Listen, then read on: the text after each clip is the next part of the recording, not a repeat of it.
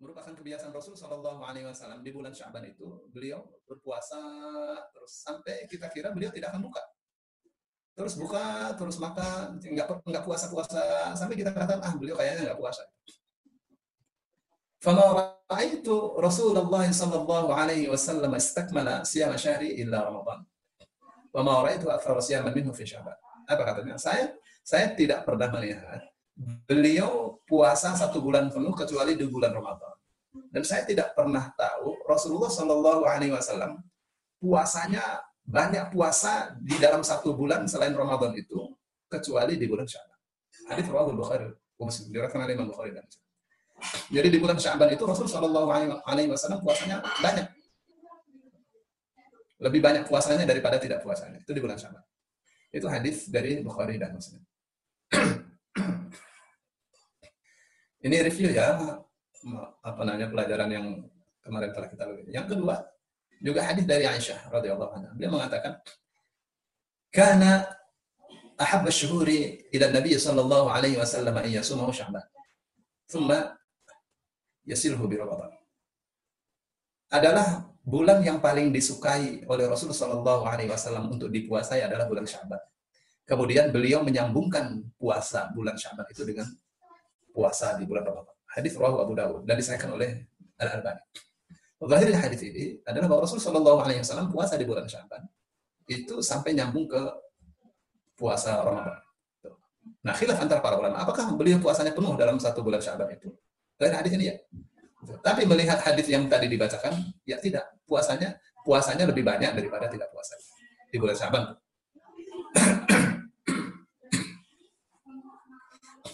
Ya, tapi kalau Pak Yaya mau makan terus juga boleh, boleh, boleh juga sih. Ya, makan apa? Uh, duren campur pete. Baik. An Usama bin Zaid dari Usama bin Zaid radhiyallahu anhu qala qultu ya Rasulullah lam araka tasum syahra min asyhuri ma tasum min.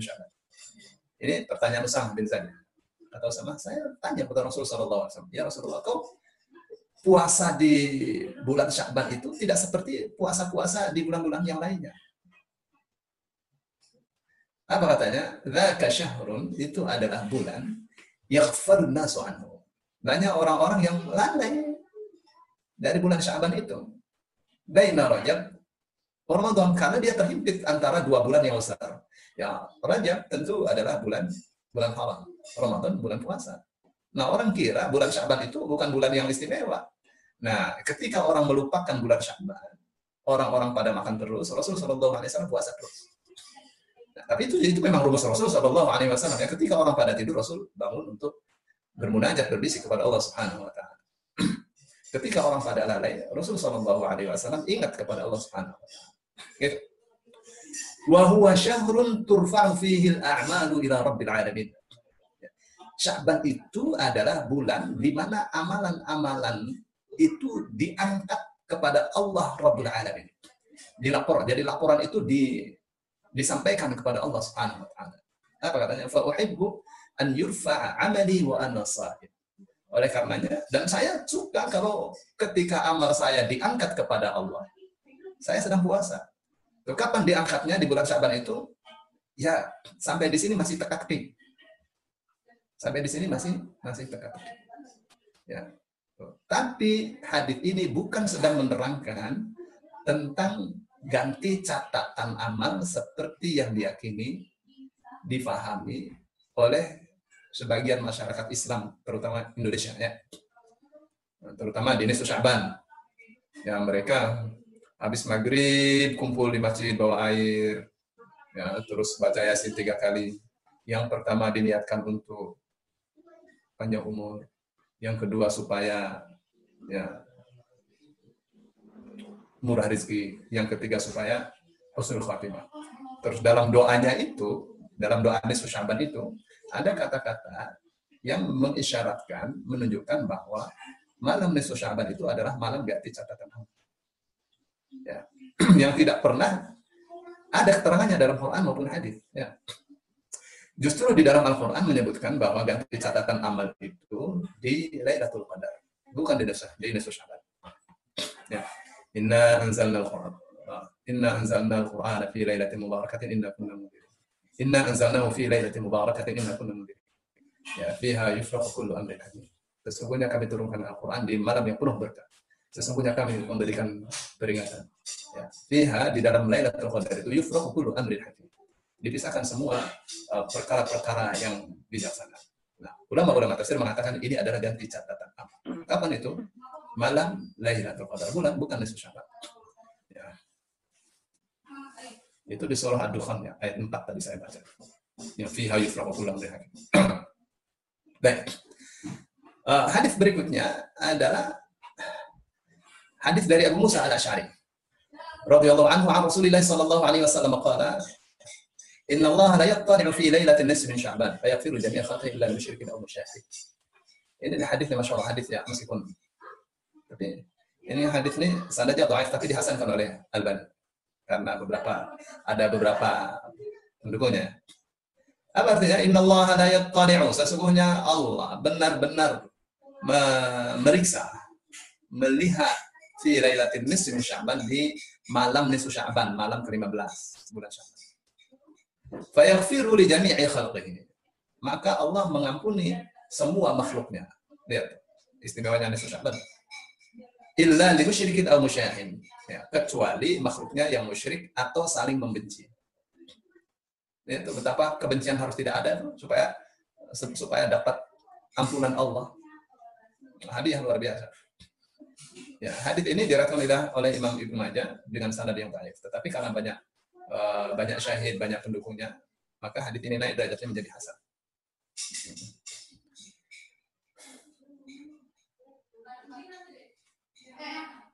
Ya, Imam Muslim dalam sahihnya meriwayatkan dari Imran bin Husain radhiyallahu anhu. Anna Rasulullah sallallahu alaihi wasallam qala lahu bahwa Rasul sallallahu alaihi wasallam berkat bersabda kepada Imran bin Husain. Asumta min uh, sirari uh, Sya'ban? Min syahri Sya'ban. Apakah kamu ada puasa di bulan Sya'ban?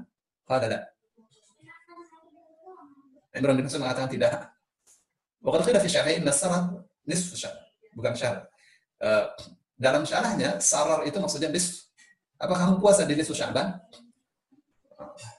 Fasyamu yawmin nisfi Sya'ban yusannu ala annahu minal ayyamil bidh. Nah, puasa nisfu Sya'ban itu disunahkan karena dia termasuk ayyamul bidh. Yang 3, 13, 14, 15. Tapi di bulan Sya'ban itu Oh, puasanya lebih muakkad daripada di bulan-bulan lainnya.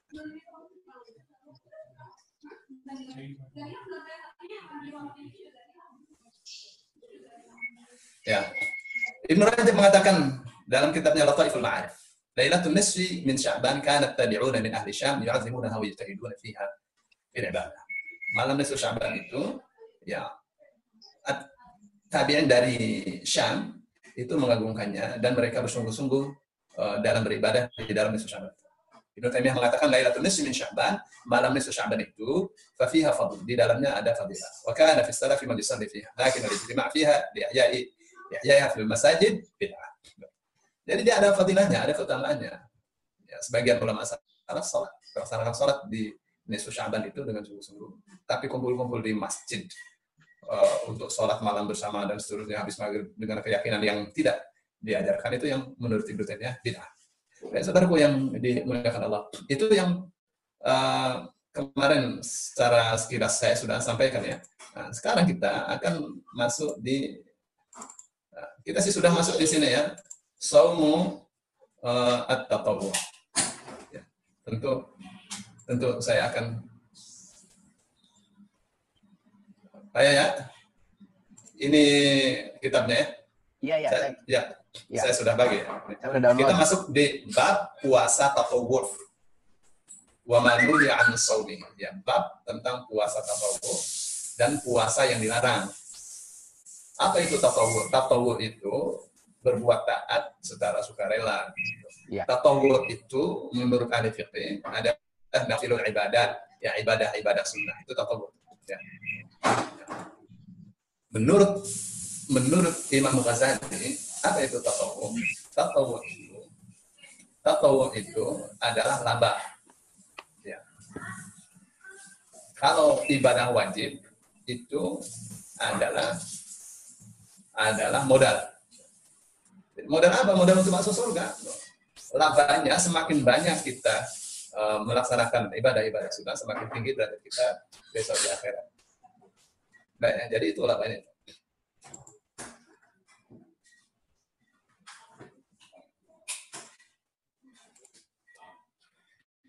Bapak yang dimuliakan Allah. Nah, kita kembali pada uh, hadis tentang puasa taqwa. Nah, hadis pertama adalah hadis Abu Qatadah Al-Ansari. Pak Yaya mau baca nih?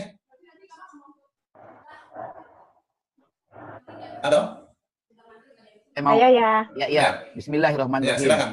An Abi Fatadah Al-Ansari radhiyallahu anhu anna Rasulullah sallallahu alaihi wasallam suila an saumi yaumi Arafah faqal yukaffirus sanata al-madiyata wal bakiyata wa su'ali an saumi yauma yauma asyura'a faqal yukaffirus sana yukaffirus sanatal madiyah wa su'ila an saumi yaumil isnaini faqal dalika yaumun wulidtu fihi wa yu'is wa yu'istu fihi wa unzila alayya fihi rawahu muslimun dapat ya Silakan diartikan. ah diartikan Mau diartikan enggak? boleh boleh dari Ya. A- dari Abu Ya. Fatadah Ansori. Eh, semoga ya semoga Allah meridhoi beliau anna Rasulullah SAW bahwa Rasulullah SAW bersabda suila eh, bertanya ditanyakan tentang saum Arafah tentang puasa Arafah Rasulullah bersabda yukaffiru sana yukafiru kafiru kafaro tertutup apa sih maksudnya Pak Kai yukafiru Mengampuni, yukafiru itu Oh. mengampuni. itulah tahun pengampunan Madiyah. Wabakiyah. Madiyah wabakiyah. Bakiyah sisa. Madiyah apa Pak Yai? Kalau bakiyah sisanya. Madiyah saya belum Baik. tahu. Baik, sekarang dengerin apa Pak ya. Siap, siap, siap. An Abi Qatadah Al-Ansari dari Abu Qatadah Al-Ansari. Radhiyallahu anhu semoga Allah meridhoinya. Sambil belajar ya, kan Ya. kita belajar metode Granada. Ya. Diperhatikan di teksnya. Anna Rasulullah sallallahu alaihi wasallam bahwa Rasulullah sallallahu alaihi wasallam sallallahu semoga Allah memberikan rahmat yang agung alaihi kepadanya wasallam dan semoga memberikan keselamatan. Ya. Suila ditanya, Ditanya. dia ditanya an saumi yaumi arafata tentang puasa hari Arafah. Ya. Apa itu puasa hari Arafah? Puasa hari Arafah adalah puasa tanggal 9 Zulhijjah. Ya, jadi bukan puasa hari Arafah itu puasa ketika orang-orang sedang di Arafah. Bukan itu pengertiannya. Mana bedanya? Bedanya kalau puasa tanggal 9 Zulhijjah itu tanggal 9 di masing-masing daerah. Ya. Tapi kalau puasa ketika mereka sedang di Arafah, bagaimana dengan daerah yang waktu mereka wukuf di Arafah, di situ masih malam? Atau Ya. sudah malam? Oke? Tuh. Kenapa? Karena ibadah itu harus mengikuti waktu dan tanggal daerah setempat. Begitu kan? Nah, terbitnya itu Indonesia duluan daripada Saudi, 4 jam lebih dulu. Gitu kan? Terbit fajar tuh. Oleh karenanya, eh, oleh karenanya kita akan puasa duluan. Kalau pas maghrib, pas maghrib itu sudah sudah tanggal waktu tanggal 1 Dzulhijjahnya tuh. Kita akan puasa duluan, tapi tapi seringnya kita puasanya belakangan. Kenapa? Karena pas waktu tanggal 29 Dzulqa'dah yang besoknya diperkirakan tanggal 1 eh, Dzulhijjah. 1 Dzulhijjah itu boleh jadi di Indonesia hilal nggak kelihatan karena belum cukup umur. Ya, masih misalnya masih di dua derajat nggak bakal kelihatan. Ya. Kenapa? Karena hilal itu kecil sekali dibanding dengan efek matahari yang baru terbenam. Nah, empat jam kemudian itu sudah naik dua derajat. Di Saudi jam 10, eh di Saudi maghrib, tuh, maghrib, di kita sudah jam 10 malam. Iya. Nah, akhirnya di Saudi besoknya puasa, kita nggak puasa. Ya kan? Karena di kita belum tanggal waktu maghrib. Karena penentuannya maghrib, jadi beda sehari. Itu tuh. Jadi ikuti saja keputusan pemerintah. Kenapa? Karena pemerintah sudah sangat matang untuk ilmu falak, Ya. untuk urusan tanggalan. gitu ya. Faqala lalu maka Rasul Shallallahu Alaihi Wasallam menjawab yukaffirus sanatal madiyah. Ya, puasa hari Arafah itu menutup atau menghapus dosa satu tahun yang lalu. Gitu. Yukaffir itu dari kata kafara yukaffir artinya dua. Mengkafirkan atau menutup, menimbun atau menutup dosa, menghapus dosa. Jadi dalam bahasa Arab yang namanya mengampuni dosa, kita kan ampunan kan. Mengampuni dosa itu dosanya ditutup, Pak. Di, Ya, di, di, di, di, timpa dengan cover, cover kafir.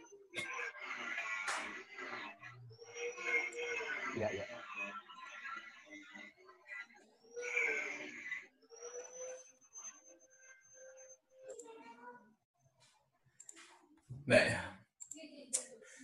Wal baqiyata dan dosa yang dosa satu tahun yang akan datang. Jadi puasa hari Arafah yang satu hari itu menghapus dua, dua tahun dosa, Pak. Jadi sayang kan kalau hari Arafah kita tidak puasa. Gitu. Nah. Wasu ila an saumi yaumi Asyura dan ditanya tentang puasa Asyura. Asyura itu tanggal 10 Muharram.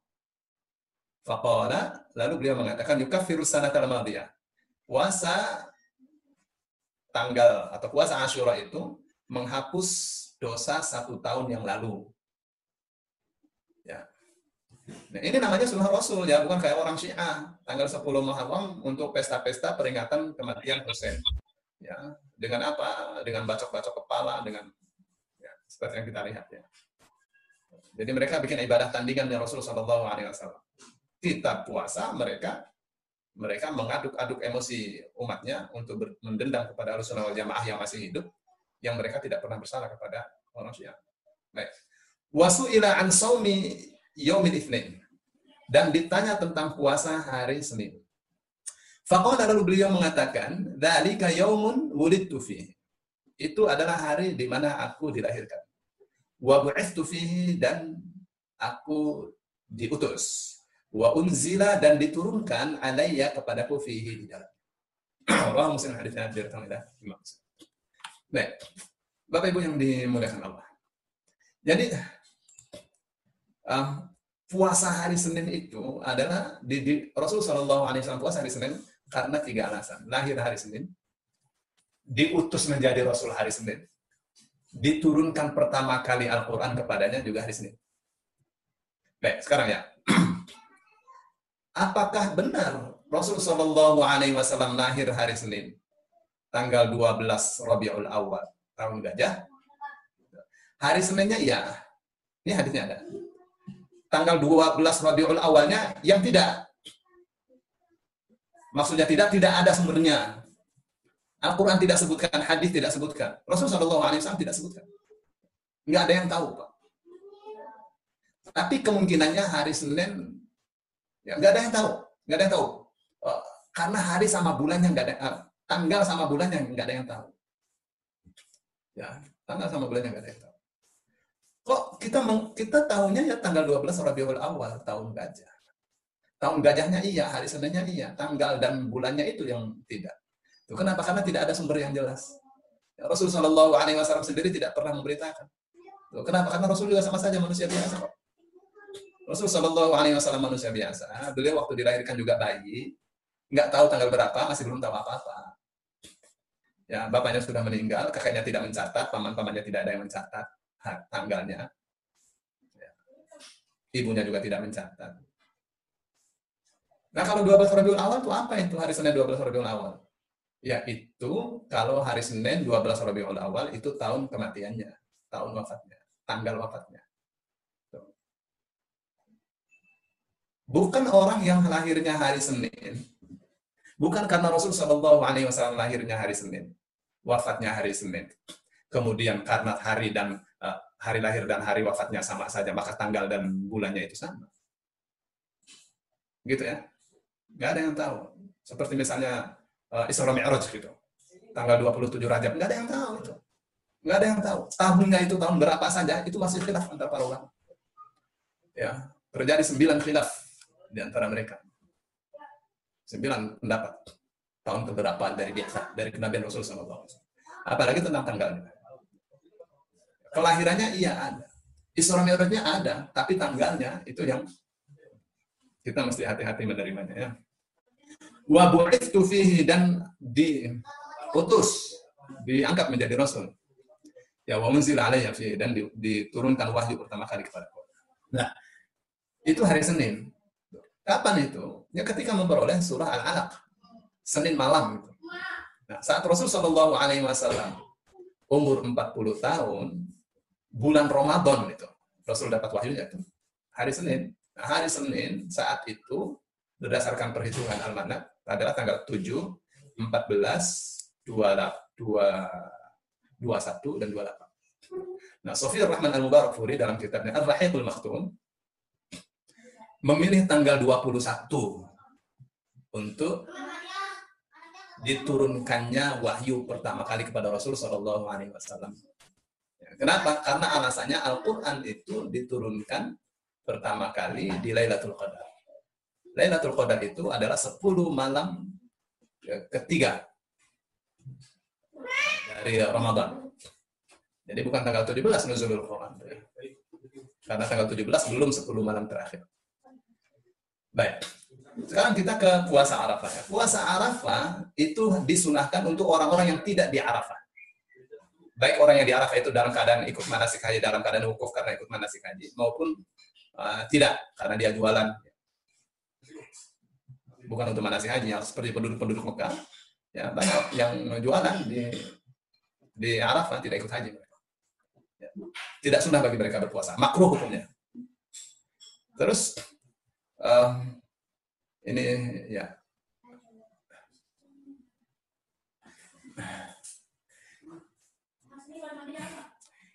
ini hadisnya ya puasa hari Arafah itu dianjurkan untuk orang yang tidak sedang haji di sedang haji yang wukuf di Arafah.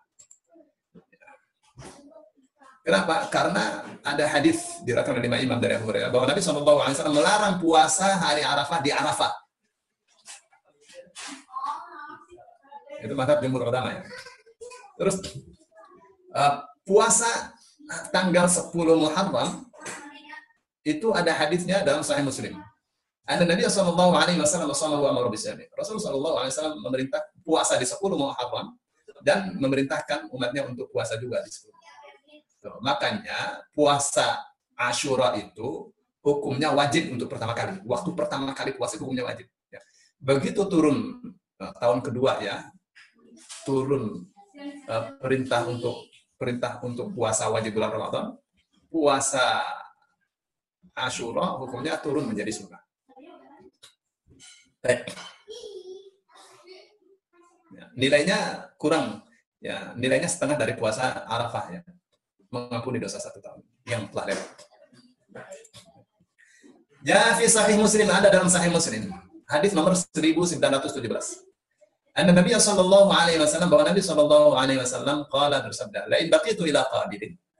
Sungguh apabila sampai tahun depan saya masih hidup, la asuman tasin pasti benar-benar aku akan puasa di tanggal 9-nya. Jadi tanggal 9, tanggal 10 bulan Muharram. Tapi Rasul Shallallahu Alaihi Wasallam tahun depannya wafat. Ya, tahun depannya wafat.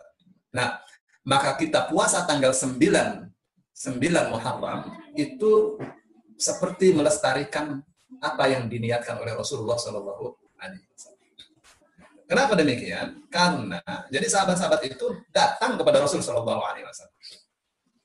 Ya, sahabat-sahabat sahabat-sahabat Rasul Shallallahu Alaihi Wasallam datang kepada beliau. Ya Rasulullah orang Yahudi juga puasa. Orang Yahudi puasa tanggal 10 Muharram, puasa Ashura. Bagaimana ini? Nah, nah, pertanyaan ini muncul dari sahabat karena sahabat sudah tertanam di dalam hati mereka bahwa uh, siratul mustaqim bahwa jalan yang lurus itu harus berbeda dengan jalan yang bengkok. Jalannya orang-orang yang beriman itu harus berbeda dengan jalannya orang-orang. Jadi karena pertanyaan seperti ini, maka Rasulullah SAW mengatakan, lain baqitu idza qabin Insya Allah, kalau tahun depan saya dikasih hidup, saya akan puasa tanggal 9 supaya berbeda ya dari ibadahnya orang Yahudi. Ya, itu tuh ya. Nah sekarang ya, dosa dua tahun diampuni dengan puasa hari Arafah. Dosa satu tahun diampuni dengan puasa tanggal 10 Asyura, 10 Muharram. Apakah dosa besar yang diampuni? Apakah dosa kecil saja? Khilaf antara para ulama. Ya, di antara mereka ada yang mengatakan itu dosa kecil dan dosa besar. Ya, dosa kecil dan dosa besar. Karena Rasulullah SAW tidak merincinya. Ya. Nah, tapi ada yang mencoba, ini cara cara meneliti ya, mencoba meneliti. Gimana tuh cara menelitinya? Jadi diteliti dia, diteliti hadis-hadisnya tentang puasa, tentang ibadah yang menghapus dosa. Nah, di antaranya adalah hadis yang mengatakan as-salawatul khamsu wal jumu'atu ila jumu'ati wa ramadan ila ramadan tukaffiru ma bainahunna. Salat salat lima waktu dari Jumat ke Jumat, Ramadan ke Ramadan itu menghapus dosa di antara di, di, di antara ibadah-ibadah itu. Jadi dari zuhur ke asar ada penghapusan dosa, dari asar ke maghrib ada penghapusan dosa. Dengan salat-salat itu ya. Terus Rasul mengatakan, malam tuhsyal kabair. Selagi dosa-dosa besar tidak dilakukan. Tuh. Makanya mereka mengatakan yang dihapus itu dosa kecil saja. Dosa besar itu butuh taubatan nasuha. Gitu ya. Um, apa saja dosa besar itu? Dosa besar itu ya banyak. Musyrik, ya menyembah berhala. Dosa besar. Oh, memang ada orang Islam menyembah berhala. Nyatanya ada kok. Ya, nyatanya ada. Uh, seperti apa? Ya mau zikir, ada foto terus fotonya di ya di sembah-sembah. Ada aja di Indonesia ini apa yang tidak laku. Orang mengaku Imam Mahdi laku. Ustadz yang mengatakan besok ada dukhon. Laku juga itu. Nanti bulan Ramadan hari Jumat tanggal sekian, nanti keluar dukhon. Oh, percaya gitu. Ya soalnya ini NCMA dokter, jangan dipercaya. Kenapa? Karena masalah hari kiamat itu masalah gaib. Ini ada hadisnya, hadisnya nggak mungkin salah, tapi pemahaman seseorang itu bisa salah. Kenapa? Karena Rasul Shallallahu Alaihi Wasallam mengatakan, Mafatihul ghaibi khamsatun la ya'lamuha la ya'lamuha illallah. Ya kunci ilmu gaib itu ada lima. Tidak ada yang tahu itu kecuali Allah saja. Antara lain Inna Allah indahu ilmu Sesungguhnya Allah itu mengetahui, memiliki ilmu tentang kiamat. Yang lain tidak tahu. Wa yunazzilul dan Allah menurunkan hujan. Jangan dianggap sederhana ini kalimatnya. Menurunkan hujan itu tidak ada selain Allah yang bisa. Allah saja yang bisa menurunkan hujan. Dan itu dengan turunnya hujan itu dengan proses yang tidak sederhana. Ya, kalau uh, di itu ya ada ayat tuh di surah Al-Waqiah. Afara'aitumul ma'alladhi tashrabun? Apakah kalian sudah melihat air yang setiap hari kalian minum? Apa jawabnya? Ya iyalah, melihatlah orang kita nggak buta. Tapi bukan itu. Yang diminta itu bukan iya atau tidak. Antum anzaltumuhu minal muzni am nahnul. Apa katanya? Apakah kalian yang telah menurunkan air itu dari muzni? Muzni itu awan. Apakah kalian yang telah menurunkan air dari awan itu? Ataukah kami yang menurunkannya? Kata Allah. Jawabnya apa? Jawabnya tentu Allah yang menurunkan. Itu namanya jawaban sederhana aja. Tapi itu mengisyaratkan bahwa tidak akan ada air bisa turun tanpa adanya awan. Nah, proses terbentuknya awan itu tidak sederhana. Nah, kalau kita naik pesawat ya di atas 3000 kaki itu, kita di atas awan, kita melihat bagaimana awan-awan kecil itu uh, berkumpul membentuk seperti gunung-gunung. Kita lihat masuk satu satu satu gitu sampai membentuk seperti gunung-gunung. Nah, prosesnya tidak sederhana. Dulu itu ilmuwan-ilmuwan Jepang mencoba untuk mengetahui proses terbentuknya awan. Mereka luncurkan balon, dikasih kamera untuk merekamnya. Seperti apa itu terjadi? Terus turun, begitu turun dilihat rekamannya. Kesimpulannya apa? Kesimpulannya rumit sekali terbentuknya awan itu. Luar biasa ya.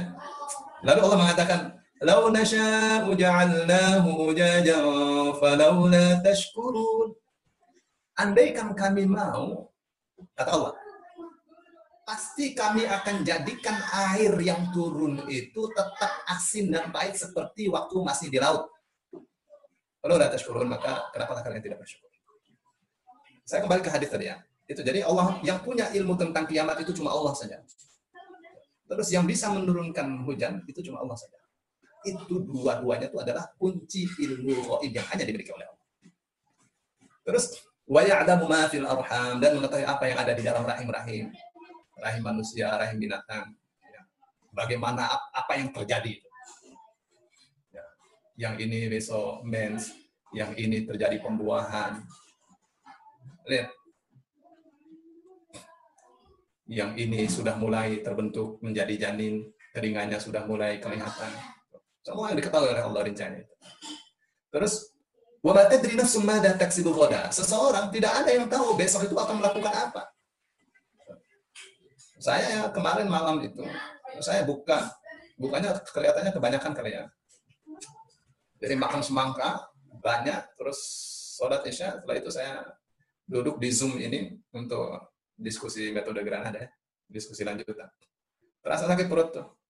Ya, saya nggak tahu tuh bakalnya kalau saya itu mengajar dalam keadaan perut saya sakit. Terus wa mata dari nafsum dia ya dan seseorang tidak akan tahu di bumi mana dia akan mati.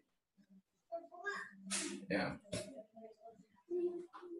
Diingat ya, itu pernah Nabi Musa, ini saya cerita ini menyimpang dari masalah puasa. Tapi ada hubungannya dengan yang tadi saya katakan. Nabi Musa itu pernah menempeleng tamunya. Ya, tamunya datang, Musa, saya diutus Allah untuk mencabut nyawamu, ditempeleng tuh orang tuh. Matanya lepas satu biji matanya. Lalu dia lari lari terbang menuju Allah. Dia katakan, ya Allah, kau utus aku untuk mencabut nyawa orang yang hambamu yang tidak mau mati. Saya ditempel ini mata saya lepas satu. Nah, matanya dikembalikan lagi satu ya. Ada di hadis-hadis kayak gini ya ada di ya, apa namanya muskilul asad. Lalu dia diperintahkan lagi untuk datang lagi ke Musa. Kali ini dia ucapkan assalamualaikum waalaikumsalam. Musa, saya yang tadi kau tempeleng di mata, yang kau tempeleng matanya lepas satu. Saya ini putusan Allah. Allah perintahkan kamu untuk meletakkan ya, apa, telapak tangan kamu di kulit sapi. Ada apa? Itu untuk setiap satu helai bulu sapi satu tahun sisa umur kamu. Oh, berapa ribu tahun tuh satu telapak tangan itu ya. Taruh di kulit sapi berapa helai bulu. Lalu Musa kata, memang saya mestinya kapan mati? Yang tadi itu mestinya kamu tuh. Ketika kamu tempeleng saya. Gitu. Ya udah kita keluar, keluar. Keluar, nah ngobrol-ngobrol-ngobrol-ngobrol Musa itu Musa bilang udah di sini saja saya dicabut nyawanya. Nah dicabutlah nyawa Nabi Musa itu di satu daerah yang namanya Al Kathibul Ahmar. Ya Baik, Bapak Ibu yang dimuliakan Allah. Jadi uh, untuk masalah uh, apa namanya untuk masalah diampuninya dosa dengan puasa itu cuma dosa kecil saja Rasul katakan malam tuh kata selagi dosa besar tidak dilakukan. Tadi saya katakan apa? Seperti syirik, seperti menyembah berhala. Ya, syirik seperti syirik, seperti sihir, seperti uh, percaya kepada dukun. Ustadz-ustadz yang berbicara tentang hari kiamat besok nanti akan keluar dukun, nah, itu ustadz dukun. Enggak boleh. Ya kalau terjadi kalau uh, kalau tidak terjadi alhamdulillah enggak boleh enggak boleh begitu. Ya, menentukan tanggal itu yang kita enggak tahu. Bapak Ibu yang dimuliakan Allah. Termasuk dosa besar itu apa? Termasuk dosa besar itu. Ini kan ada malam tuh syakabai. Termasuk dosa besar itu adalah hukukul walidain. Apa tuh? Hukukul walidain itu durhaka kepada kedua orang tua. Ya, itu dosa besar. Seperti apa itu durhaka kepada orang tua? Nah, kalau orang tua mau ngomong kepada anaknya takut anaknya marah, itu sudah dianggap cukup dianggap itu anak durhaka. Bayangin. anak suaranya lebih tinggi volumenya itu cukup dianggap sebagai nggak boleh. Ya, di dalam Islam itu jelas ya pada takul lahuma uff wala. Jangan mengatakan uff, jangan membentak keduanya. Wa qul lahuma qawlan Ya. Dan katakanlah kepada kedua orang tua itu dengan kata-kata yang mulia. Baik. Uh, sampai di sini keterangan untuk hadis ini.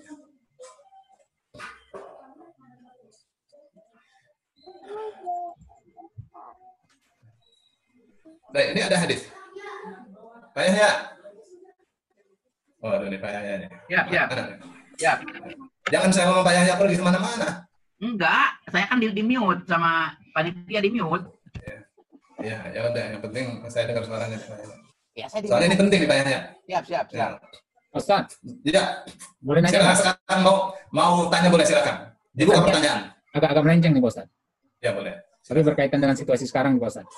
Iya mengenai ini Pak udah lima kali apa enam kali nih nggak sholat Jumat ini gimana nih Ustaz? Saya nggak enak di hati nih kayaknya Ustaz. Ini gimana? Ustaz? Ya, ini ya uh, pendapatnya ini ada pendapat pribadi, ada pendapat ulama. Sekarang gini ya, uh, sebenarnya sih ya, atau beginilah, uh, saya ditanya tentang hukumnya merokok oleh jamaah, oleh masyarakat yang rokok itu jadi kebiasaan. Habis tahlilan merokok, habis marhabanan merokok, habis sholat Jumat ngobrol musyawarah rokok, asbabnya ditarik di. Saya ditanya, Ustaz apa hukumnya? Ini orang ini nih, yang tanya nih maunya saya tidak apa namanya tidak dipakai di masjid itu. Pasti Ustaz nih mengatakan hukumnya haram. Pasti Ustaz nih Wahabi. Kalau mengharapkan rokok kan Wahabi. Jadi saya bilang saya nggak tahu hukumnya. Saya nggak tahu hukum rokok itu apa. Yang mengerti dokter. Ustaz nggak tahu. Ustaz tahu apa tentang Dokter yang tahu. Dokter seluruh dunia mengatakan rokok itu berbahaya. Ah, saya tahu hadis itu tentang bahaya. Rasul mengatakan bahwa rokok tidak boleh memulai berbuat bahaya dan tidak boleh membalas perbuatan bahaya dengan bahaya lagi.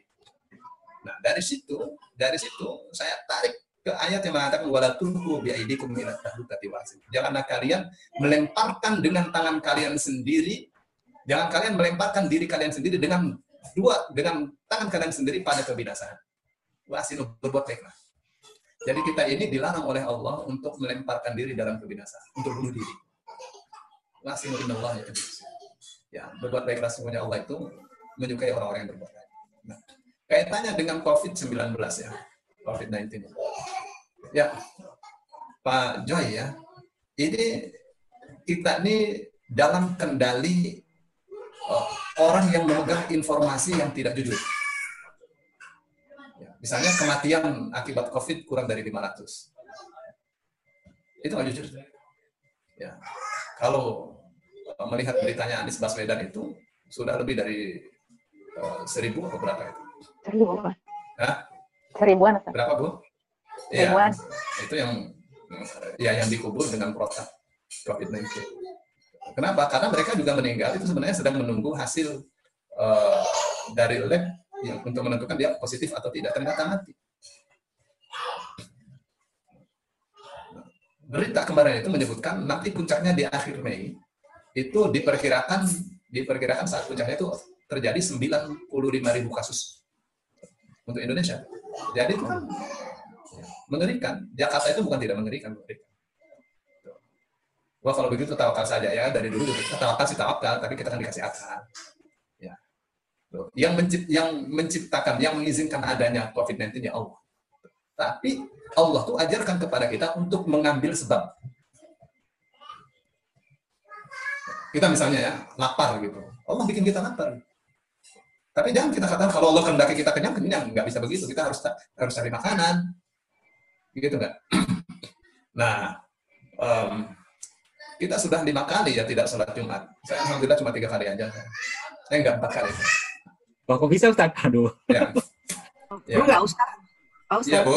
Iya, Bu. Assalamualaikum. Waalaikumsalam. Ya, silakan. Iya, saya mau tanya ini ya. Kan tadi dikatakan uh. puasa Arafah itu uh, menghapuskan dosa dua tahun ya yang telah hmm. dan yang akan datang begitu?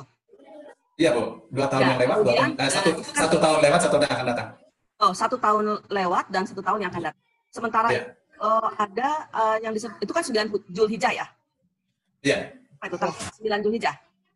iya, Kemudian ada tanggal 8 Zulhijjah yang disebut dengan puasa tarwiyah gitu. iya bu. Apakah eh, dan dikatakan pula puasa hari tarwiyah itu menghapuskan dosa satu tahun. Lalu apakah nanti tumpang tindih atau tidak? Makasih Pak. Ya, ya Ibu puasa hari tarwiyah ya eh, nanti kita akan jumpai hadisnya. Puasa hari tarwiyah itu eh,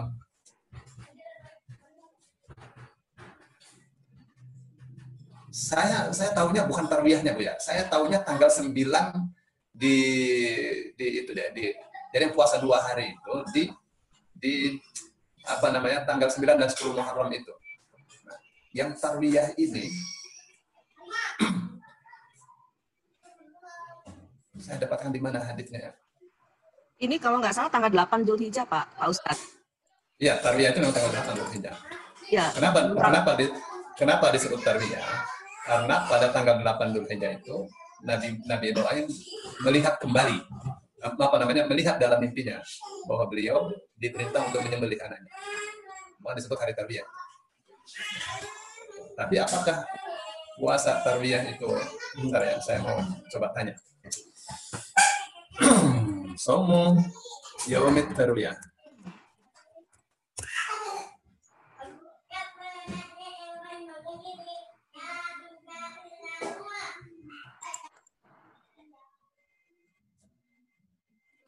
Kalau tentang tumpah tindihnya nggak nggak tumpang tindih bu ya. Ya, Untuk orang yang tidak di dalam di dalam lingkungan Arafah, di dalam di dalam Arafah tidak sedang wukuf, maka apalagi kalau misalnya hari tarwiyahnya hari Kamis gitu. Atau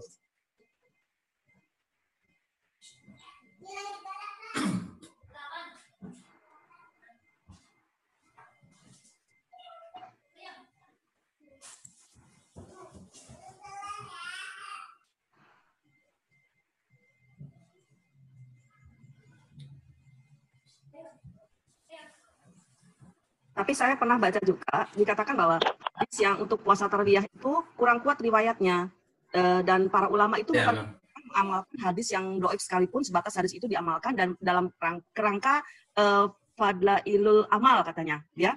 Kemudian ya, ya, mm. itu tidak berkaitan dengan masalah akidah dan hukum. Jadi ya pertanyaan saya kalau seandainya itu eh, bisa menghapuskan satu tahun dan kemudian puasa hari Arafah yang tadi tanggal berapa itu eh, itu menghapuskan dua tahun yang artinya eh, setahun sebelum dan setahun sesudah. Eh, di mana letak eh, ketumpang tindihannya? Apakah tadi dikatakan Pak Ustadz bahwa yang puasa yang dua tahun tadi itu hanya untuk dosa-dosa kecil sementara puasa yang tadi ya termasuk dosa-dosa yang mana gitu loh? Itu dua pertanyaan saya Pak Ustadz. Ya, ya tentang s- saya lagi tanya nih belum dapatkan hadisnya untuk untuk tarwiyah. Kalau tentang tumpah tindihnya nggak tumpang tindih ya, ya nggak tumpang tindih. Terus kalau memang itu termasuk itu kan hadis dhaif ya, hadis dhaif. Saya saya meskipun itu hadis dhaif saya mesti telusuri. oke Pak baik Pak Nah, jadi, jadi tentang tumpah tindihnya dia tidak tumpang tidak Baik, Pak. tumpang tindih. Terus eh, bahwa itu termasuk fadhailul amal, dia bukan urusan akidah itu benar ya fadhailul amal itu. Jadi hadis yang dhaif sekalipun Ibu boleh dilakukan dalam rangka fadhailul amal. Cuma tidak bisa dijadikan sandaran hukum saja karena dia dhaif, karena dia lemah. Ya.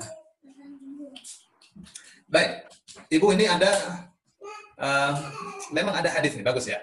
ya hadis ini eh, berkaitan dengan salah satunya Yom Tarbiyah.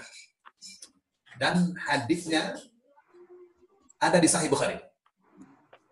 Eh, Tapi hadis ini umum sifatnya. Apa katanya? Ma min ayyamin al-amalus salihu fihi. Nah, saya kasih tahu saya saya buka hadisnya.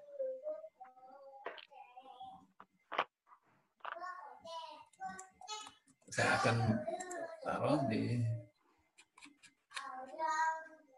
supaya Pak Yahya bisa lihat juga.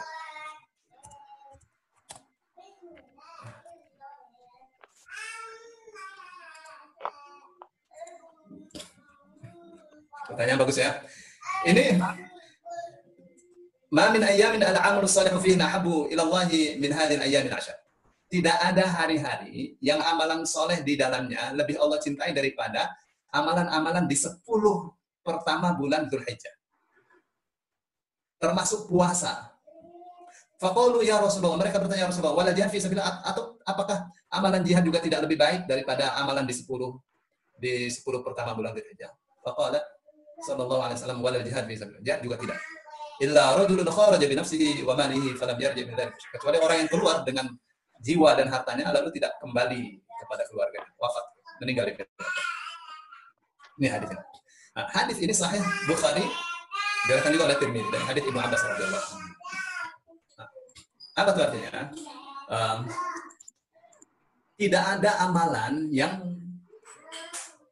tidak ada hari-hari yang lebih utama amalan-amalan di dalamnya kecuali lebih dari lebih dari uh, apa namanya 10 pertama bulan Dzulhijjah. Jadi di 10 pertama bulan Dzulhijjah, tertentu tanggal 8 masuk di dalamnya. Itu amalan-amalan soleh lebih baik dan lebih dicintai oleh Allah daripada uh, amalan-amalan di tanggal-tanggal di bulan-bulan yang lain. Gitu. Jadi tanggal 8-nya itu meskipun ada hadis yang uh, daif, hadis yang daifnya nggak usah kita bawakan, udah masuk di hadis yang sahih. Tentang berapa harga pahalanya, harga pahalanya, harga pahalanya ini puasa di bulan uh, Zulhijjah, Zulhijjah di 10 hari pertama itu lebih hebat dari puasa di bulan Ramadan sekalipun. Oke. Padahal itu sunnah, padahal itu sunnah. Oh ya. Apakah juga jihad? Disebutkan apakah itu jihad? Meskipun jihad juga. Lihat, Bu. Jadi luar biasa nih, ya. Lalu pertanyaan saya kedua, Pak. Baik. Eh, bedanya dengan puasa Asyura itu, puasa Asyura itu juga dapat menghapuskan dosa setahun yang lalu. Sementara tadi puasa yang Arafah itu ada yang setahun yang lalu. Nah, ini gimana cara Yes. penghitungannya gitu? Makasih, Pak. Dan apa jenis Ya, dosa yang dihapuskan? Ya. Ya, kalau misalnya ibu ya puasa Arafah, berarti dua tahun dosa ibu di- dihapus, Bu. Dosa kecil yang dihapus. Oke, Bu. Dosa setahun yang lalu dihapus, dosa setahun kemudian dihapus. Kita dapat dapat ampunan dosa dua tahun. Oke, Bu. Nah, sekarang bulan eh, bulan Muharram tanggal 10 pua- puasa juga kan? Asyura tanggal 10 ya. 10 Muharram puasa juga. Oke, menghapus dosa setahun yang lalu. Dosa setahun yang lalunya sudah dihapus waktu Dzulhijjah kan? Gitu gak kira-kira? Ya. Ya, ya itu akan ditambahkan, Bu. Jadi tiga tahun dosa dihapus. Yang di hari Asyura juga begitu. Iya kan di, di anu, apa namanya? Tadi kan dua tahun. Di Asyura tambah satu tahun berarti menjadi tiga tahun dosa kita dihapus. Tapi itu eh, atas perbuatan-perbuatan yang tanpa kita sadari ya. Jadi bukan berarti ah saya mau berbuat dosa dulu nanti kan juga dihapus kan bukan begitu ya Pak ya? Nih, Bu, saya mau bicara tentang tentang eh, tobat sambal. Halo, Bu. Iya Pak. Ya, kan kita sering ada ustaz mengatakan sudah to sudah tobat kumat lagi tobat kumat lagi. Itu namanya tobat tobat tobat tobat namanya tobat tobat kumat tobat kumat. Gitu kan? Iya. Nah, ternyata itu tentang tobat sambal itu ada di hadis Bukhari dan Muslim. Apa katanya? Seorang hamba melakukan perbuatan dosa. Dia tahu Allah itu siksanya sangat mengerikan tapi dia juga tahu Allah itu maha penerima tobat. Lalu dia lari menuju Tuhannya dia minta ampun kepada Allah. Allah ampuni dosa lalu dia berbuat dosa lagi. Dan dia tahu Allah itu maha penerima tobat lalu dia tobat lagi. Allah ampuni perbuatan dosa. Lalu dia berbuat lagi. Dia tahu Tuhannya itu maha dahsyat siksanya dan maha penerima tobat dia lari lagi kepada Tuhannya. Minta ampun.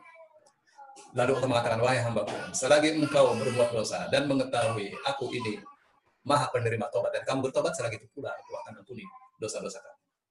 Lihat bu. Orang berbuat dosa rata-rata ada niat tapi ini dosa kecil bu ya. Iya. dosa kecil. Dosa kecil. Em, ada seorang pemuda ya. Ada mbak-mbak datang membawa korma. Bang bang bang ini aku bawa korma terbaik. Aku mau jual. Mau beli nggak? Terus dia bilang sini coba lihat. Ah korma kayak gini. Saya punya lebih bagus. Ya perempuan itu kaget. Memang ada ya korma di korma di Madinah ini yang lebih hebat dan lebih bagus daripada korma saya. Ah mustahil. Nggak percaya? Ayo ke dalam coba. Jadi mbak tadi tuh masuk ke dalam dengan laki-laki tadi. Udah masuk ke dalam kuncinya di eh, pintunya dikunci diciumin gitu. Lalu dia ingat ya kalau itu salah. Lalu dia lari menuju Rasul Shallallahu Alaihi Wasallam. Ya Rasulullah saya dalam keadaan bahaya gitu. melakukan hal yang tidak terpuji. Mohon saya disucikan. Kamu kenapa? Saya diceritakanlah kejadiannya. Lalu lalu sholat. Sholat berjamaah turun ayat tentang penghapusan dosa dengan sholat Tapi hadis ini, itu kan waktu dia cium itu sudah ada niat kan, niat nipu perempuan kan. ya. Itu waktu dia waktu dia datang kepada Rasul Shallallahu Alaihi Wasallam, beliau Rasul mengatakan, itu korma yang kamu miliki itu mana coba? Tolong diambil untuk uh, disumbangkan untuk infak visabilillah. Dia untuk laki-laki itu rupanya nggak ada kormanya, nggak punya kormanya dia. Ya udah kalau begitu, tunggu ya. Terus sholat bersama-sama bersama Rasul Shallallahu Alaihi Wasallam turun ayat tentang penghapusan dosa dengan sholat. Lalu ya Rasulullah, apakah nih ayat ini untuk saya? Rasul katakan untuk kamu dan untuk umatku semuanya. Nah, waktu dia mau cium perempuan itu, pasti sudah ada niat. Pasti sudah ada niat. Sampai kunci pintu segala kan. Tapi tetap kalau dia bertobat, diampuni oleh Allah SWT. Ya. Tapi hadis ini bukan sedang mengajarkan kepada kita gampang ah, cium aja nanti tolak bukan itulah. Ya, gitu kira-kira. Ibu ya. Pertanyaan terakhir Pak, pertanyaan terakhir. ya, silakan. boleh Ya, boleh, boleh, boleh. Maaf nih teman-teman. Eh, Ya. Kalau kalau puasa Senin Kamis itu bisa menghapuskan dosa kita juga. Dan seberapa besar kadarnya? Tentang puasa Senin Kamis, Kamis Bu ya. Ya. Nah, itu sekarang kita masuk di hadis tentang puasa Senin Kamis Bu ya.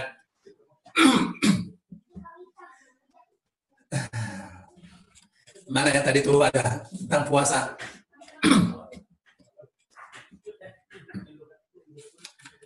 Jadi puasa Senin Kamis ini fadilahnya nih. Fadilahnya bukan eh, ini masih Syaban. Ini Rasulullah SAW katakan, eh, mana ya?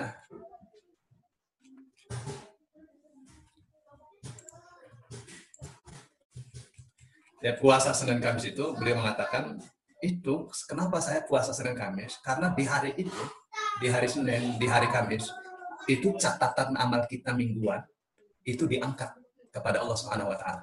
Nah, saya saya ingin ketika amalan diangkat saya dalam keadaan puasa. Itu Bu ya. Meng- menghapus dosa seberapa? Ya, sebenarnya sih ya puasa itu itu kan amalan rahasia di kaidah Bu ya. Yang amal yang yang amalan rahasia itu sebenarnya dirahasiakan oleh Allah pahalanya. Maka Allah katakan asyamu li wa ana ajzihi wal hasanatu bi asyri. Puasa itu hakku dan aku yang akan memberinya pahala. Setiap kebaikan akan dibalas dengan satu kebaik dengan sepuluh kali lipatnya. Tapi puasa tidak dengan sepuluh kali lipatnya. Jadi memang eh,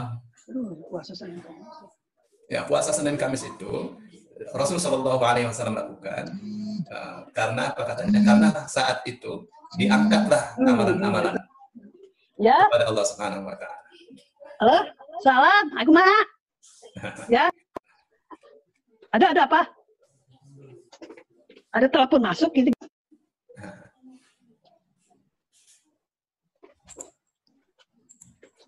Ustadz sudah boleh mengajukan pertanyaan lagi. Ya, ya sudah silakan.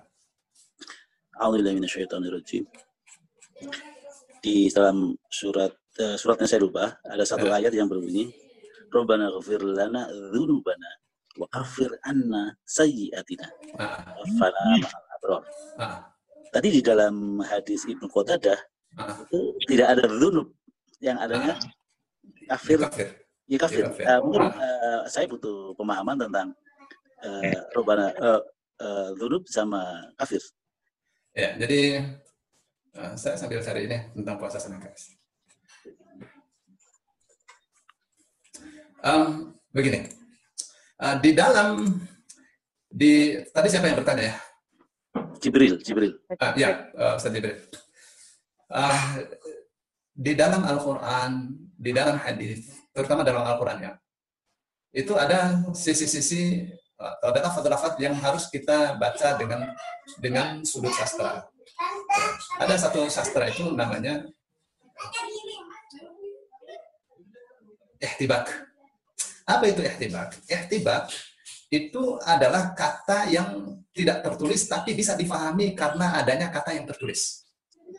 Misalnya yukafir, yukafir sanatal madiyah. Itu tidak mungkin artinya mengkafirkan satu tahun yang lalu. Kafar kan mengkafirkan. Ya kan? Tidak mungkin. Pasti artinya menghapus dosa. Gitu. Ya. Itu namanya namanya ihtibak. Gitu, Pak Jibril ya. Eh, begini Ustaz, itu yang yang di Al-Quran kan Rabbana fir lana dzunubana anna sayyi'atina. Iya. hmm. Jadi ah, bedanya sayyi'atina sama dzunubana itu dalam Nah. konteks dosa yang dosa atau kesalahan yang seperti apa Ustaz? Ya, sama aja. Zunub sama sayyiat itu dua dua kata satu makna aja, Pak. Sayyiat. Jadi gini ya. Wa kaffir anna sayyiatina. Tutupilah dari kami keburukan-keburukan kami. Bisa maknanya begitu. Keburukan itu ya salah satunya perbuatan dosa. Ya. Ghafaro sama kaffaro dalam bahasa Arab maknanya satu. Maknanya menghapus. Kita kan ghafaro kan mengampuni kan? Dalam bahasa Arab itu ghafaro itu masaha. Kaffaro juga berarti masaha. Ya, Dua-duanya artinya menghapus, menghapus dosa, menghapus keburukan-keburukan. Oke, sekarang apa bedanya zunub sama sayyiat? Apakah bisa bisa bisa itu dua-duanya berbeda? Bisa saja. Tapi sekarang pertanyaan, sayyiat itu artinya kejahatan-kejahatan atau keburukan-keburukan. Apakah ada kejahatan yang tidak dosa? Apakah ada keburukan-keburukan yang bukan dosa? Saya kira itu sama saja ya. Jadi perbuatan dosa itu semuanya buruk. Yang buruk-buruk itu pasti dosa. Perbuatan yang buruk maksudnya. Sayyiat itu perbuatan-perbuatan buruk. Nah, ini ketika kita membaca Rabbana fir lana ya Allah ampuni dosa-dosa kami. Wa kaffir dan tutuplah, tutupilah, hapuskanlah anna dari kami sayyiatina, keburukan-keburukan kami. Nah, uh, ditutupi oleh Allah keburukan-keburukannya. Dosa-dosanya tidak ditampakkan. Orang lain tidak tahu dosa kita. Yang kalau dibuka, anak kita lari dari kita, istri kita lari dari kita, masyarakat akan lari dari kita. Itu namanya kafir anna saja. Ya, dosa-dosa yang kita saja yang tahu yang Allah. Ya, kita minta kepada Allah agar keburukan-keburukan kita ditutup, ditutupi oleh Allah. Ya, jangan orang lain tahu. Itu tuh maknanya wakafir anna sayyi'atina. Tapi apakah sayyiat itu bukan perbuatan dosa? Ya, perbuatan dosa. Saya kira itu deh, Pak. Pak Jibril. Syukran, syukran, syukran. Af- Afwan. Afwan. Ya. Ibnu Abbas mengatakan, ada kita sering mengatakan kita bersyukur kepada Allah akan adanya nikmat lahir dan batin. Gitu kan? Apa sih nikmat lahir? Nikmat, nikmat lahir itu nikmat iman, Islam itu masih lahir itu. Kelihatan itu orang beriman. Ya, buktinya dia pulang pergi ke masjid dulu. Itu orang beriman. Ya. Buktinya dia pakai peci. Sekarang enggak pakai peci orang Katolik bisa pakai peci. Ya, di TVRI itu. Ya, kelihatan. Tapi nikmat batin itu tidak kelihatan. Apa itu nikmat batin? Nikmat batin itu adalah perbuatan-perbuatan atau keburukan-keburukan kita yang Allah tutupi orang lain tidak tahu. Itu nikmat batin.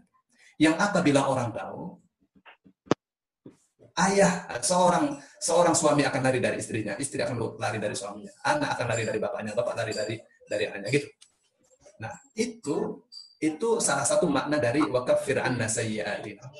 Dan tutupilah dari kami semua keburukan-keburukan, semua dosa-dosa kami. Kita berharap kepada Allah agar keburukan kita ditutup di dunia, ditutup juga di akhirat. Sehingga ketika dibuka di akhirat, sudah ditutup, sudah didilik. Sudah ditutup X nah, zaman dulu, sekarang sudah didilik. Itu namanya wakafir. Oke, Pak. Pengertian kafir.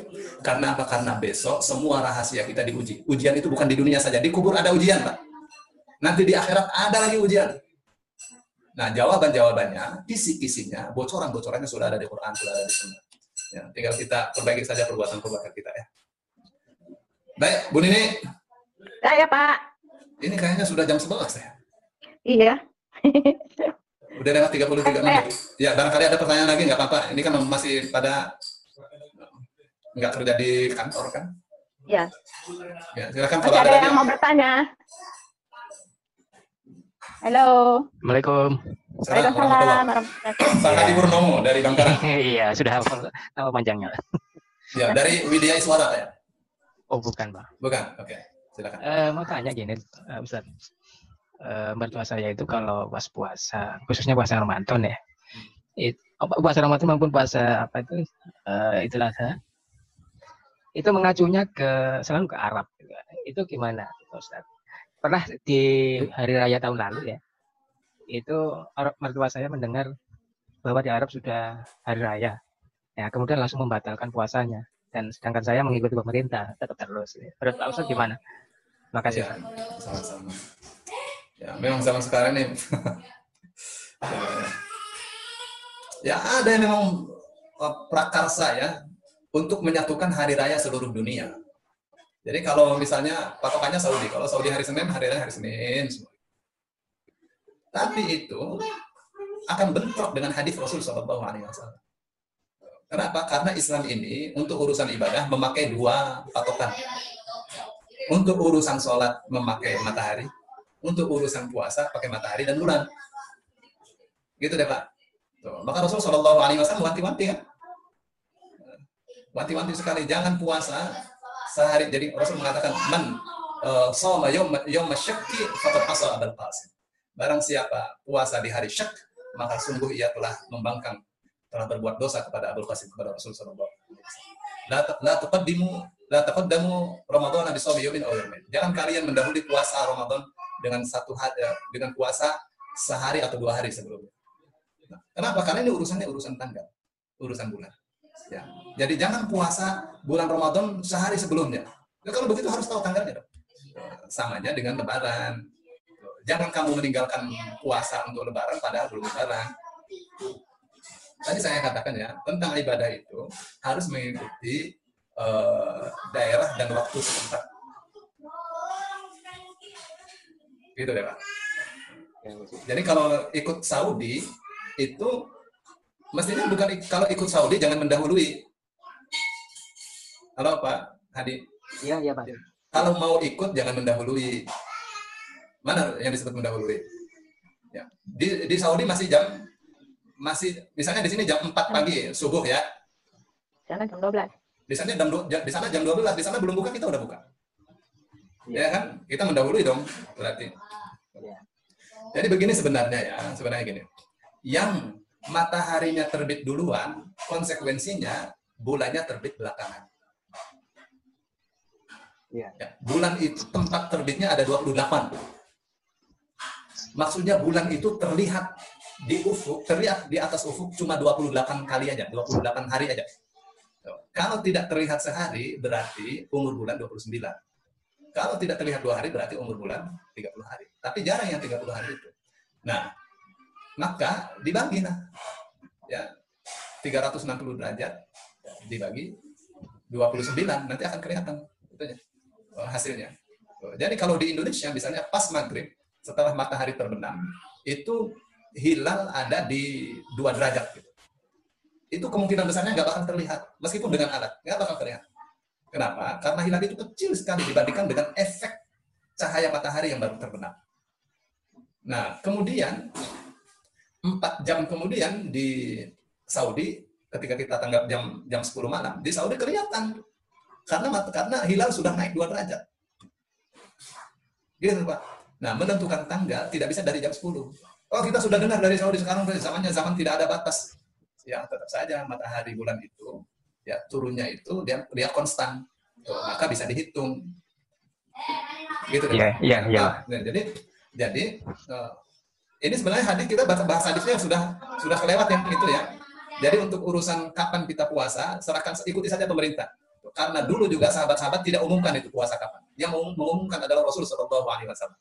Ya kalau di kita ya Rasulullah itu apa namanya puasa itu diturunkan kepada Rasul Shallallahu Alaihi Wasallam untuk umatnya. Saat itu Rasul adalah pemimpin negara. Jadi kalau sekarang Pak Jokowi dia yang mengumumkan, ya yang beliau delegasikan kepada Kemenang. Saya kira itu. Jadi ikuti pemerintah. Oke, Pak Ustadz. Ya, saya kira itu ya. Iya. Ada lagi? Ustadz. Sama-sama. Udah, Bu Nini nih. Udah dapat ya. 40 menit. Tutup aja. Baik. Kecuali ada yang mau tanya. Masih ada yang mau bertanya? Saya deh yang nanya, Ustaz. Ya, silakan. Ada ketawain malah. ada orang yang eh, berniat haji itu eh, untuk mendapatkan eh, rezeki. Jadi khusus eh, orang itu berangkat haji eh, hanya untuk meminta rezeki, Ustaz. Bukan niat untuk ibadah lain.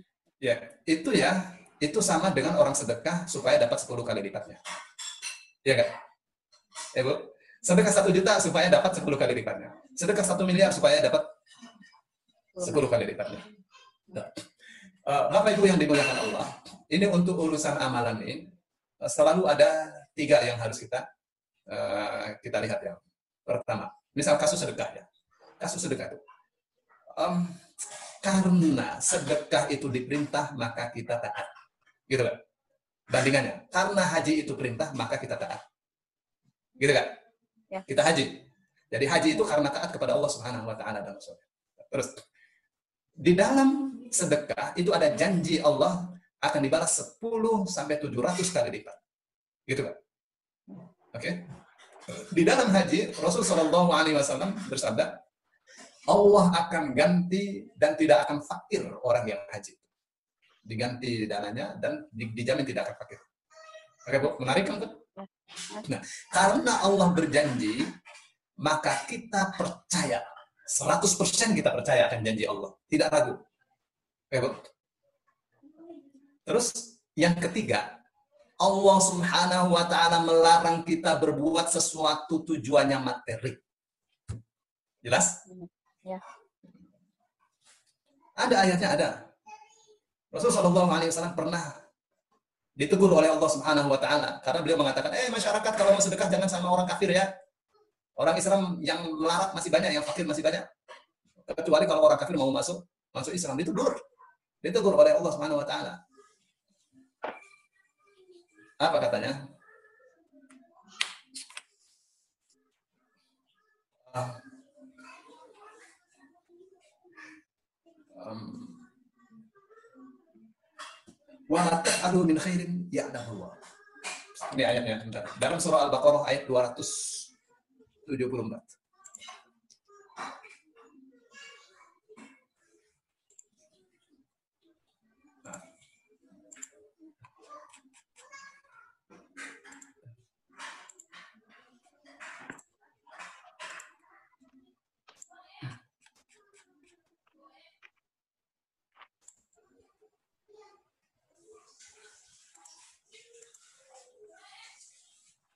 Ini ayat ini ayat yang mau saya buka nih ayat tentang apa? Eh, Ayat larangan bersedekah niatnya bukan karena uang.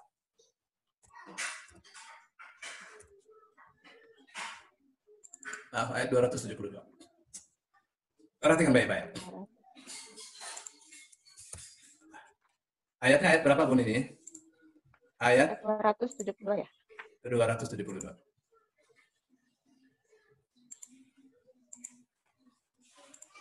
Baik, ini saya kasih tahu ayat ini. Eh, Ibu ngaji sama saya sabar ya, karena saya tidak hafal Quran. Al-Baqarah ayat 272, bukan 274. Laisa alaika hudahum, walakin Allah yahdi man yasha. Ditegur Rasulullah sallallahu alaihi wasallam. Eh Muhammad, itu bukan merupakan kewajiban kamu menjadikan orang Yahudi, orang Nasrani yang miskin itu memperoleh hidayah. Allah yang kasih hidayah kepada orang yang Allah kehendaki. Wa ma tunfiqu min khairin falianfusikum. Ya. Rizki apa pun, kebaikan apa pun yang kamu kalian infakkan itu untuk kalian sendiri kok. Wa ma tunfiquna illa ibtigha'a. Kalau mau sedekah jangan supaya, jangan pamrih. Jangan supaya orang kafir masuk Islam, kamu sedekah biar orang kafir masuk Islam. Jangan. Lihat. Yang itu pun bukan materi kan sebenarnya. Apa katanya? Wa ma tunfiquna illa ibtigha'a. Kalian tidak boleh infak, tidak boleh sedekah kecuali demi menggapai wajah Allah saja. Jangan karena 10 kali lipat, jangan karena harta. Wa ma tunfiqu min khairin yuwaffa ilaikum wa antum la tudlamun. Dan kebaikan apa pun yang kalian infakkan pasti akan dipenuhi balasannya. Kalian tidak akan didalimi sedikit pun oleh Allah Subhanahu. Baik. Bun ini jelas. Jelas. Jadi untuk Jelas. kasus untuk kasus sedekah, untuk kasus amalan yang mana saja? Ada tiga. Perintah, janji, niat. Karena diperintah maka kita taat. Karena itu ada janji-janjinya maka kompensasinya kita percaya. Tapi niatnya harus supaya besok kita melihat wajah Allah saja. Halo, paham semua? Insya Allah, Ustaz. Insya Allah. Saya kira, Jadi satu jam ini, Ustaz. iya. Masih ada yang mau tanya? Udah cukup ya. Udah cukup, cukup. Baik, Bu Nini Ya, silakan. Buat besok aja. Iya, buat Nah. besok lagi. Insya Allah. Iya, Nanya dong. silakan. Enggak, Silakan. lanjut, enggak, lanjut yang eh, Ustadz bilangin tadi terkait eh, ketika Ustadz udah empat hari tidak sholat Jumat itu kan terputus ya. Terus bagaimana Ustadz menjawabnya ketika ada pertanyaan tadi? Iya ya. Mm. Eh, singkatnya ya, singkatnya darul mafasid muqaddamun ala jalbil Ya. masalih. Itu singkatnya tuh. Me- mencegah kerusakan harus didahulukan daripada Mengambil mengambil maslahat. Maksudnya apa? Eh, mencegah bahaya harus didahu- didahulukan daripada memperoleh pahala. Oke. Itu ada ada kaidah-kaidah misalnya misalnya ad-daruratu tubihul mahzurat. Darurat itu membolehkan yang dilarang. Begitu ya. Karena ini terus terang COVID-19 itu seperti sepertinya lebih dahsyat daripada perang pakai senjata ya Pak. Kita nggak lihat soalnya. Ya, barangnya barang gaib. Gaib dari mata kita. Nggak bisa terlihat kecuali dengan media yang yang pas. Gitu deh. Tapi kenapa saya melakukan sholat, sholat Jumat yang kemarin tuh, Jumat saya sholat. Itu sebenarnya masjid itu ditutup untuk sholat Jumat, nggak ada sholat Jumat pengumumannya. Tapi dah terkenal dia adakan sholat. Saya melihat ini daer- daerah daerah di sekitar sini kok katanya termasuk zona hijau. Nggak ada orang terkena. Jadi saya sholat subuh pasti di masjid itu. Nyaman aja saya. Ya karena ini zona hijau sebenarnya. Tapi karena kekhawatiran, eh, takutnya orang-orang ada jamaah-jamaah yang pergaulannya luas dan seterusnya. Ya. Itu kembali lagi kepada keyakinan masing-masing. ya. Tapi kalau saya sarankan di zona-zona yang kuning atau merah itu, ya nggak usah lah ikuti aja pemerintah. Saya kira itu ya. Zona saya merah banget, Ustaz. Merah banget ya, udah jangan. Jangan. Musola saya baru ditutup beberapa hari yang lalu, nggak dimarahin. Eh, dosa kalau Ya. kalau kita memaksakan sholat Jumat di di zona merah itu bisa jadi dosa, Oh, Oke. ya. Iya, Agak-agak ini aja udah terobatin, Ustaz. Iya. Ya. Baik, saya kira itu ya. Bu Nini, tutup aja nih. Kasihan nih ibu-ibu ini semua. Itu maksudnya Ya, sama-sama. Baik, Ustaz, uh, jazakallah